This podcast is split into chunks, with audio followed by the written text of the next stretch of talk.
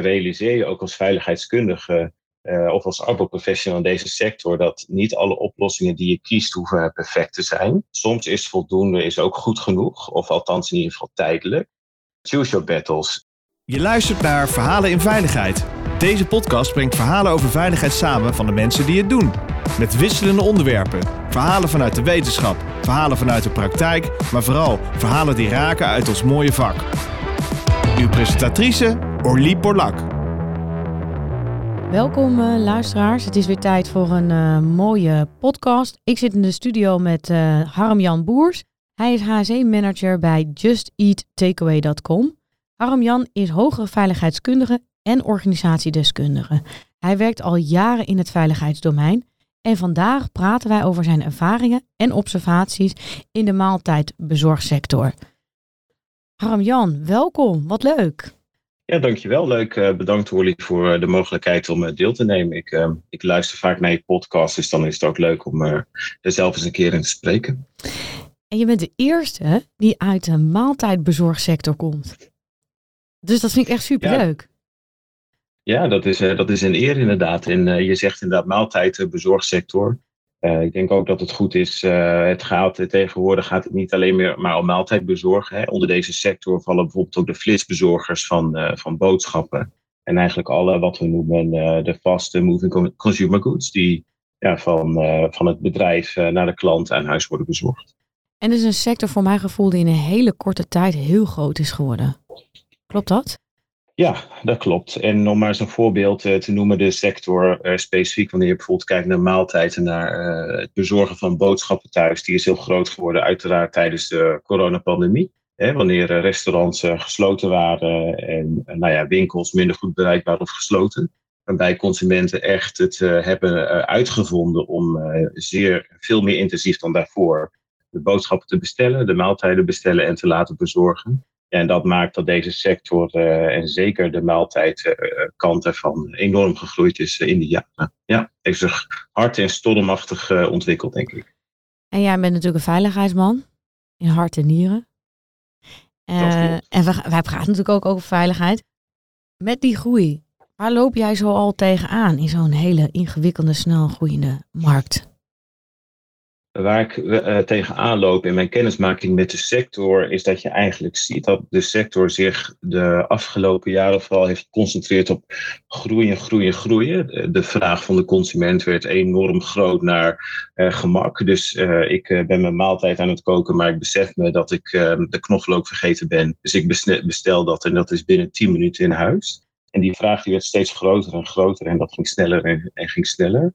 En wat je eigenlijk ziet is dat uh, alle energie zich daarop gericht heeft. En dat de organisaties in die sector pas eigenlijk op dit moment, de afgelopen jaren en tijd, toekomen aan een professionalisatieslag. Ook wat betreft uh, nou ja, veilig en gezond werken. En wat dat betreft staan we in deze sector echt aan de basis van die ontwikkeling. En dat is enerzijds is dat leuk en uitdagend, maar het is ook wel eens complex, omdat je eigenlijk alles uh, moet opbouwen van, uh, van de grond af. Um, ik vraag me ook wel eens af, heb ik wel alle risico's in beeld waar uh, jullie dag dagelijks tegenaan lopen? Want ik kan me wel voorstellen verkeer, maar en, en neem mij eens een beetje mee van, ja, hoe ingewikkeld is jouw veiligheidsomveld? Nou, wat er wel denk ik leuk is om een beetje context te geven, uh, inderdaad, goed voor arbeidsrisico's. Toen ik uh, mijn eerste werkweek uh, begon, toen in de sector, toen ben ik een, een aantal diensten gaan meefietsen met couriers op straat om te zien als veiligheidskundige of als arbeidsprofessional wil je toch komen met goede oplossingen en het veiliger maken. Maar goed, uh, ken je risico's en deze op de werkvloer, dat is hier niet anders. Dus dat ben ik uh, gaan doen. En ik denk wat veel mensen zich niet beseffen en ook arbeidsprofessionals niet, is dat het, het, het, het zijn van een maaltijdbezorger of een boodschappenbezorger dat dat gewoon een hoog risicoberoep is. We denken bij hoog risicoberoepen uh, beroepen vaak aan de petrochemie en machineveiligheid, aardtex enzovoort. Maar ga maar eens na dat jij een, ehm, een 16 of een 17-jarige courier bent en je wordt geacht in, uh, een, een, pizza te bezorgen die opbouwt in het centrum van Amsterdam. dus we hebben te maken met het arbeidsrisico van jeugdigen. We hebben mee te maken dat uh, deze mensen fietsen op e-bikes die nou, tot 25 km per uur kunnen gaan. Dat doen ze in drukke en stedelijke omgevingen, waar ze eigenlijk ja, ogen in hun achterhoofd moeten hebben om te kunnen anticiperen op al het verkeer. Dat doen ze vaak bij slechte weersomstandigheden. Want ga maar na, jij bestelt vooral je eten wanneer je geen zin hebt om de deur uit te gaan. Bijvoorbeeld omdat het weer slecht is, wanneer het sneeuwt of het regent. Uh, ze hebben natuurlijk ervaren werkdruk, want ze willen dat de pizza die ze bezorgen, dat die warm aankomt om de klant tevreden te houden. Uh, ze moeten naar de klanten navigeren met een, een navigatie, een telefoon die vastgemaakt is op een stuur. Dus daar moet aandacht voor zijn. Soms uh, dragen ze oordopjes om uh, muziek te dragen. Ze werken alleen. Ze kunnen ook s'avonds laat werken. Dus dat zijn eigenlijk allemaal risicofactoren die op elkaar worden gestapeld. Dus je hebt het best over, nou, wat ik toch al vind, een hoog risico. En moeten zij soms een rijexamen bij je doen? Moeten ze voorfietsen of ze dat kunnen? Of is dat dan, vinden ze dat dan weer kinderachtig als je dat zo vragen? Nou, rijexamen dat niet zozeer. Wat, uh, wat, wat de bedrijven in de sector veelal wil doen, is dat op het moment dat er een uh, courier bij ons solliciteert en die wil voor ons werken, dat deze courier wordt uitgenodigd op uh, een van de locaties van de bedrijven in het land. En daarbij met een meer ervaren bezorger, die dan bijvoorbeeld een driver captain wordt genoemd, dus iemand die net wat meer ervaring heeft om daarmee een ronde te gaan fietsen, zodat die persoon kan zien hoe de nou ja, potentieel nieuwe bezorger zich houdt aan verkeersregels. Of hij of zij ook fatsoenlijk op de fiets kan fietsen. Je moet bijvoorbeeld bedenken dat bedrijven in deze branche ook uh, veel gebruik maken van buitenlandse studenten die in, in Nederland uh, zijn komen wonen. Die bijvoorbeeld niet bekend zijn met de intensiteit waarmee hier gefietst wordt in de drukke omgevingen. Dus dat soort dingen die gebeuren wel. Ja, maar echt examen is het niet, maar ze worden wel uh, beoordeeld en daarop getraind. Ja. En um, wat verbaas jij nou het meest in, in deze sector? Want heb je altijd in deze sector gewerkt? Heb je een beetje vergelijkingsmateriaal met andere sectoren? Nou, nee, ik werk nog niet zo lang in deze sector. Nu ongeveer acht maanden, dus ik ben er nog redelijk vers in. Ik heb hiervoor gewerkt bij een grote consultiefirma. En daarvoor in de geestelijke gezondheidszorg. Dus ik heb wel een soort van wat een kronkeltje afgelegd. En wat mij verbaast, en, maar goed, eigenlijk verbaast het me ook niet, is in de vorige sectoren, wanneer je het hebt over Arbo, over veiligheid of over RDNA's, dat is vaak toch wel gesneden koek. En echt, alles is niet altijd gemakkelijk en gaat niet altijd goed. Maar wanneer je met, met, met dit soort termen of over arbeidsveiligheid komt te spreken in deze sector, dat is vaak iets dat is zeker niet top of mind. Er is ook vaak heel veel onbekendheid. Oh, moet dat echt? Zijn dat wettelijke plichten? Moeten we ons, daar, moeten we ons daar, daaraan houden? Uh, dus dat, uh, dat verbaast me wel eens. En dat vraagt ook wel wat als uh, bijvoorbeeld als HRC-manager hoe je zaken aanpakt. Het betekent voor mij vooral waar ik aan moest wennen dat um, ja, ik eigenlijk niet meteen kon beginnen met het organiseren en het ontwerpen van stukken en het werk aan compliance. Maar dat ik veel meer moest starten met uh, de, de gesprekken voeren. En veel tijd moest investeren om de mensen mee te nemen, om op locatie te zijn, om zichtbaar te zijn. Eh, en om mensen te overtuigen van het nut en de noodzaak van health safety. Want dat bewustzijn, daar moeten we echt nog wel aan werken in de sector. En daar ben ik, uh, ja, daar ben ik best wel veel uh, tijd en, en energie aan kwijt. Ja, goed besteed overigens. En uh, je doelgroep is natuurlijk ook heel jong, want daar begon je eigenlijk mee. Hoe is het met hun risicobewustzijn? Nou ja, het zal je niet verbazen dat uh, maaltijdbezorgers, uh, die kunnen vanaf in de sector gemiddeld vanaf 16, 17 jaar, kunnen die een, een aantal uren bewerken. Dat, dat is wel beperkt. Maar goed, het risicobewustzijn van jongeren is op zich natuurlijk niet heel groot. En we weten dat natuurlijk dat jongeren überhaupt een, een risicogroep zijn. Dat is ook zo in de arbowet gedefinieerd. Dus dat is bij maaltijdbezorgers ook, uh, ook niet anders dan in andere sectoren. Uh, kijk, de jongeren van 16 en 17 jaar die doen dit werk uh, primair, omdat ze natuurlijk gewoon graag geld willen verdienen. Het is vaak hun eerste bijbaan. dus dat risicobewustzijn is in, gemiddeld gezien, denk ik, niet bijzonder hoog. Ik weet niet hoe dat precies is met vergelijkbare jongere categorieën in andere sectoren. Maar daar is uh, veel werk aan de winkel, dat, dat mag duidelijk zijn. Ja. En staan ze daar een beetje voor open? Voor die veiligheidspraatjes? Ja, uh, daar staan ze voor open. Niet iedereen staat er voor open. En de, het hangt ook weer heel erg. Uh, het, het verschilt van persoon tot persoon. En ik zie ook dat het verschilt van plaats tot plaats. Het maakt ook bijvoorbeeld in een bepaalde stad uh, is een bepaalde cultuur, of een jongerencultuur, of een meer een gemoedelijke cultuur. En ook het culturele aspect. Uh, en natuurlijk ook hoe de leidinggevenden in zo'n locatie de mensen aansturen, maakt ook uh, dat ik verschillen merk. Waar het beter gaat, waar het minder goed gaat. En wat je bijvoorbeeld natuurlijk ziet, is dat het inherent aan het werk van maaltijdbezorgers en ook in de rest van de sector, dat ze natuurlijk eh, op de weg zijn en daarmee eh, veel fietsen en dus ook eh, ongelukken meemaken. En dat op het moment dat ze een ongeluk of een incident meemaken, dan is het vaak mogelijk om een beter gesprek te hebben en dan kweek je ook meer begrip en dan snapt het zelf ook meer. Het interessant wat je vertelt, dat je verschillen merkt. Kun je wat parameters noemen? Je zei net de, de cultuur van de stad, cultuur van de jongeren. Maar jullie zitten natuurlijk gewoon door het hele land. Heeft het ook met de inrichting soms van de stad te maken? Ja, het kan met een aantal zaken te maken hebben. Bijvoorbeeld er zijn uh, bedrijven in onze sector die hebben, uh, moet je voorstellen, die hebben locaties door het land. Uh, waar bijvoorbeeld eh, in een stad als Amsterdam, er is dan een bepaalde loods, een soort van uitvalsbasis waar bezorgers hun dienst beginnen. Waar ze hun PBM's ophalen, waar ze hun e-bikes ophalen. En op uh, dat moment, dan, dan hebben de leidinggevenden hebben vaak wat beter zicht en beter grip op de bezorgers. En dan hebben ze ook de kans om een soort van familiaire cultuur te laten ontstaan. En wanneer um, de locaties of bedrijven daartoe in staat zijn, dan zie je vaak dat uh, in die steden we meer vat en grip hebben op, op veiligheid en daar ook meer meewerking uh, in ervaren.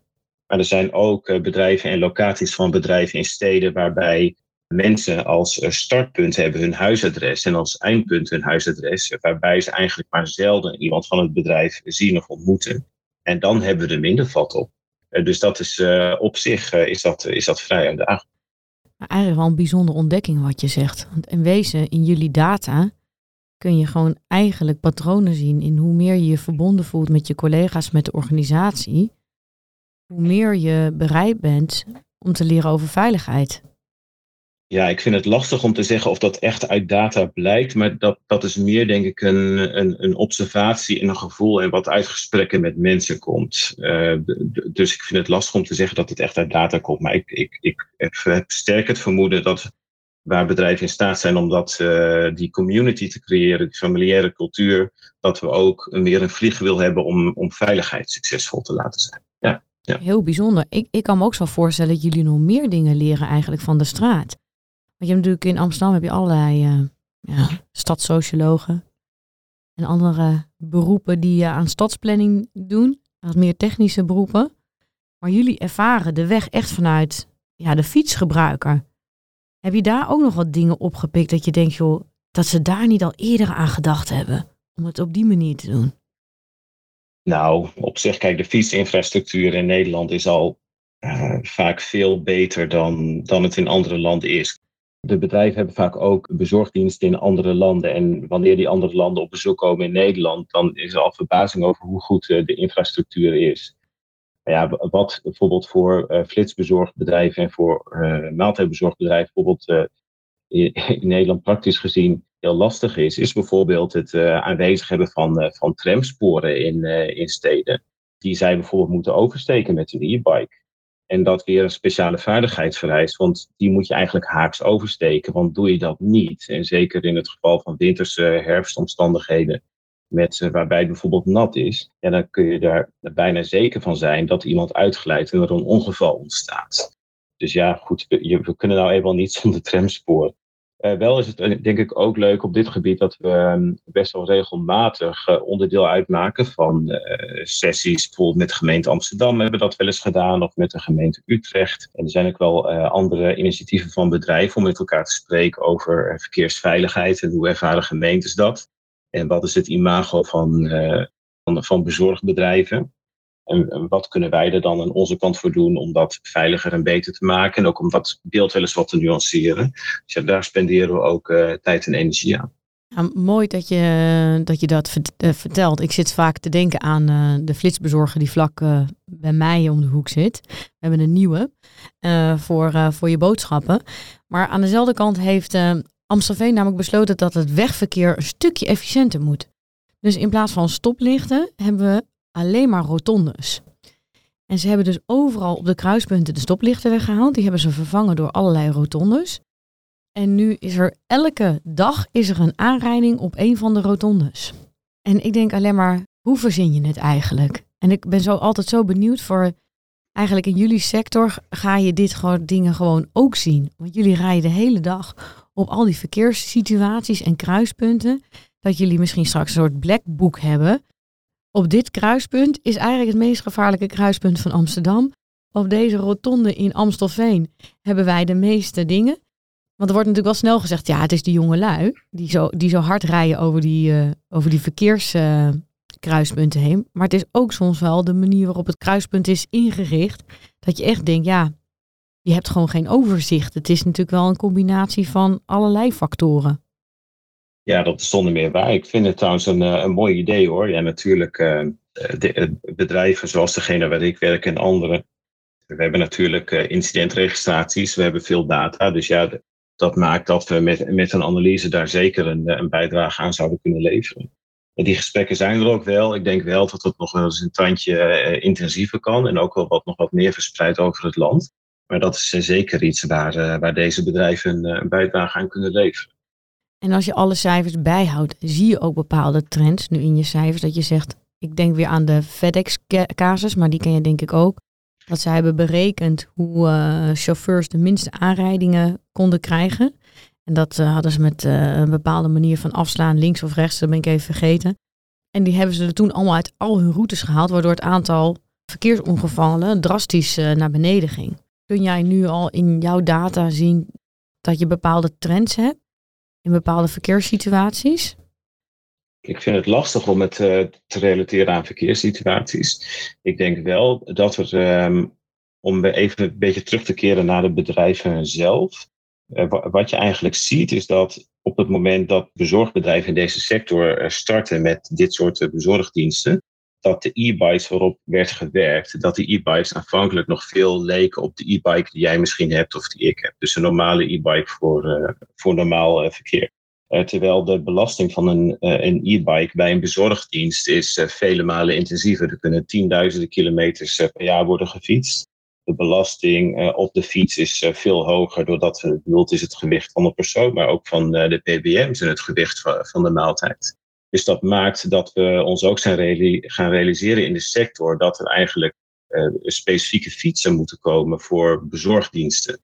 En we merkten ook dat de fietsen of de e-bikes uh, die we aanvankelijk gebruikten in de sector, dat die niet altijd geschikt waren of minder stabiel. Of uh, dat je bijvoorbeeld dat de remcapaciteit niet altijd voldoende was voor wat je wel nodig hebt wanneer je op snelheid en met gewicht rijdt. Dus ik denk dat je daar wel echt ontwikkelingen ziet in de sector. Dat bijvoorbeeld specifieke nu goede bezorgfietsen komen. Met bijvoorbeeld, ik noemde net al even het voorbeeld van uh, een band in, in, in, in tramrails. Met bredere banden, fietsen die stabieler zijn. We zien ook e-bikes ontstaan die langzamer gaan. Dat is voor, natuurlijk voor veiligheid op zich ook, ook goed. We zien ook de remsystemen verbeteren en dat is natuurlijk ook wel waar het begint. Ook als je kijkt naar de arbeidshygiënische strategie, ja, we moeten investeren in gedrag van mensen, in cultuur en in, in training. En natuurlijk, dat moeten we doen. Maar het start natuurlijk bij de top. En dat zijn natuurlijk op zich de, de, de, juiste arbeidsmiddelen om mee te werken. En het moet gewoon intrinsiek veilig zijn. En dat is denk ik wel wat je ziet, dat dat echt een trend is dat het uh, nu verbetert. En dat moet nu ook zijn vruchten gaan afwerpen. Ja, en die, en die zie je op straat natuurlijk wel. Je ziet tegenwoordig uh, alle bezorgers met echt hele blitse fietsen rijden. Die gewone e-bikes, die zie ik uh, in, in ieder geval de omgeving Amstelveen, Amsterdam niet meer. Maar wat een interessante markt eigenlijk. En ook wel interessante verbeteringen. En als je ze zo noemt, denk je ja, natuurlijk, logisch dat je daar verbetering ziet. En als we nu naar uh, de toekomst kijken en uh, met alles wat je geleerd hebt, waar ontwikkelen jullie je naartoe? Als je kijkt um, naar het veiligheidsdomein uh, specifiek binnen deze organisaties, Kijk, deze organisaties hebben natuurlijk gewoon een, vaak een achterstand op normale, tussen aanhalingstekens, bedrijven die al langer bestaan, sectoren die al langer bestaan. Dus ook deze sector zal zich ontwikkelen uh, naar een veel meer professionelere aanpak. Met uh, betere gebouwen, meer veilige gebouwen, betere arbeidsomstandigheden. Uh, een hoger niveau van compliance. En dat gaat ongetwijfeld ook op een moment gepaard met minder ongevallen waardoor de sector ook eh, aantrekkelijker kan worden voor, eh, voor medewerkers om te werken. En de sector heeft natuurlijk nog best wel eens wat een negatief imago. dat is weer zo'n flitsbezorger of dat is weer zo'n maaltijdbezorger die een ongeluk veroorzaakt of die door uh, rode licht rijdt. En door aan allerlei initiatieven te werken, denken wij dat te kunnen verbeteren. denk bijvoorbeeld aan het nauwer begeleiden van jonge mensen op de fiets. Meer kritisch te zijn naar de mogelijkheden die de persoon heeft. Om ook goed samen te werken, bijvoorbeeld met uitzendorganisaties die, die soms ook personeel inleveren. Er zijn veel initiatieven op dat gebied, op het onderhoud van, van fietsen, om dat strakker en beter te doen. ook eh, het, uh, we voeren natuurlijk ook volop de discussie over het dragen van een, van een helm op de fiets. Dat is in Nederland natuurlijk ook altijd een hot topic. Dus ja, dat zijn veel zaken waaraan we gaan werken en waarbij je dus zult zien dat de, de organisaties professionaliseren en ja, veiliger gaan worden om te werken. Heel mooi. En dan heb ik nog mijn uh, laatste vraag voor deze podcast. Want je bent natuurlijk met jongeren aan de slag. En heel veel luisteraars denken, oh, dat is de moeilijkste doelgroep. Zijn er nou dingen die je hebt geprobeerd als interventie om hen meer bewust te maken die wel hebben gewerkt en die niet hebben gewerkt? Dat we daar een beetje nog van kunnen leren. Ja, kijk, wat uh, zeker niet werkt, is wanneer je als veiligheidskundige uit een sector komt die al veel volwassener is qua veiligheid, dat je, zoals ik eigenlijk aan het begin al zei, dat je snel wil gaan, hè, want je komt in een organisatie waar weinig geregeld is, of waarin nog niet zoveel geregeld is, en dat je dan direct alles wil gaan opbouwen, regelen en organiseren. En op het moment dat je dat gaat doen in deze sector, dan loop je het risico om de mensen waarvoor je het doet, om ze kwijt te raken. Uh, dus het maakt wel eens uh, voor mij dat in deze organisaties, kijk, je, er wordt echt van je verwacht dat je meebeweegt, dat je realiseert wat de context is, dat, dat ze komen uit een, uit, een, uit, een groeivorm, dat die business ook belangrijk is. Uh, realiseer je ook als veiligheidskundige uh, of als arbeidsprofessional in deze sector dat niet alle oplossingen die je kiest hoeven perfect te zijn. Soms is voldoende is ook goed genoeg, of althans in ieder geval tijdelijk. Choose your battles. Uh, kijk, er is er zoveel te doen in deze sector op zoveel risicogebieden en je kan gewoon niet alles in, in één keer aanpakken. Dus ja, kies een aantal focusonderwerpen en, en werk daaraan. Um, ja, en ga het gesprek aan. En wat echt de uitdaging is, is om te levelen met bezorgers op die leeftijd. En het zijn niet allemaal 16-jarigen hoor, ik ook benadrukken. We hebben ook een, een sterke vertegenwoordiging tussen de twintigers en de dertigers. En ik ken ook een enkele bezorger, die is de 60 al gepasseerd. En dat is wel een unicum, maar het gebeurt wel. Is ja, beweeg met ze mee, uh, leg niks op, uh, heb aandacht, ga het gesprek aan. Ja, en eigenlijk zijn dat natuurlijk adviezen die in heel veel sectoren gelden, maar bij ons misschien nog wel een beetje wat meer dan, uh, dan bij anderen. Hoi, dankjewel voor deze interessante podcast. Ja, dankjewel voor de mogelijkheid om deel te nemen. Ik vond het erg leuk, ik ben benieuwd naar het resultaat. En naar de reacties van luisteraars eventueel. Absoluut. Je luisterde naar Verhalen in Veiligheid. Wil je niks missen van deze podcast? Abonneer je dan op deze podcast in je favoriete podcastplatform. Of laat een recensie achter via Apple Podcast. Dank voor het luisteren. Graag tot de volgende.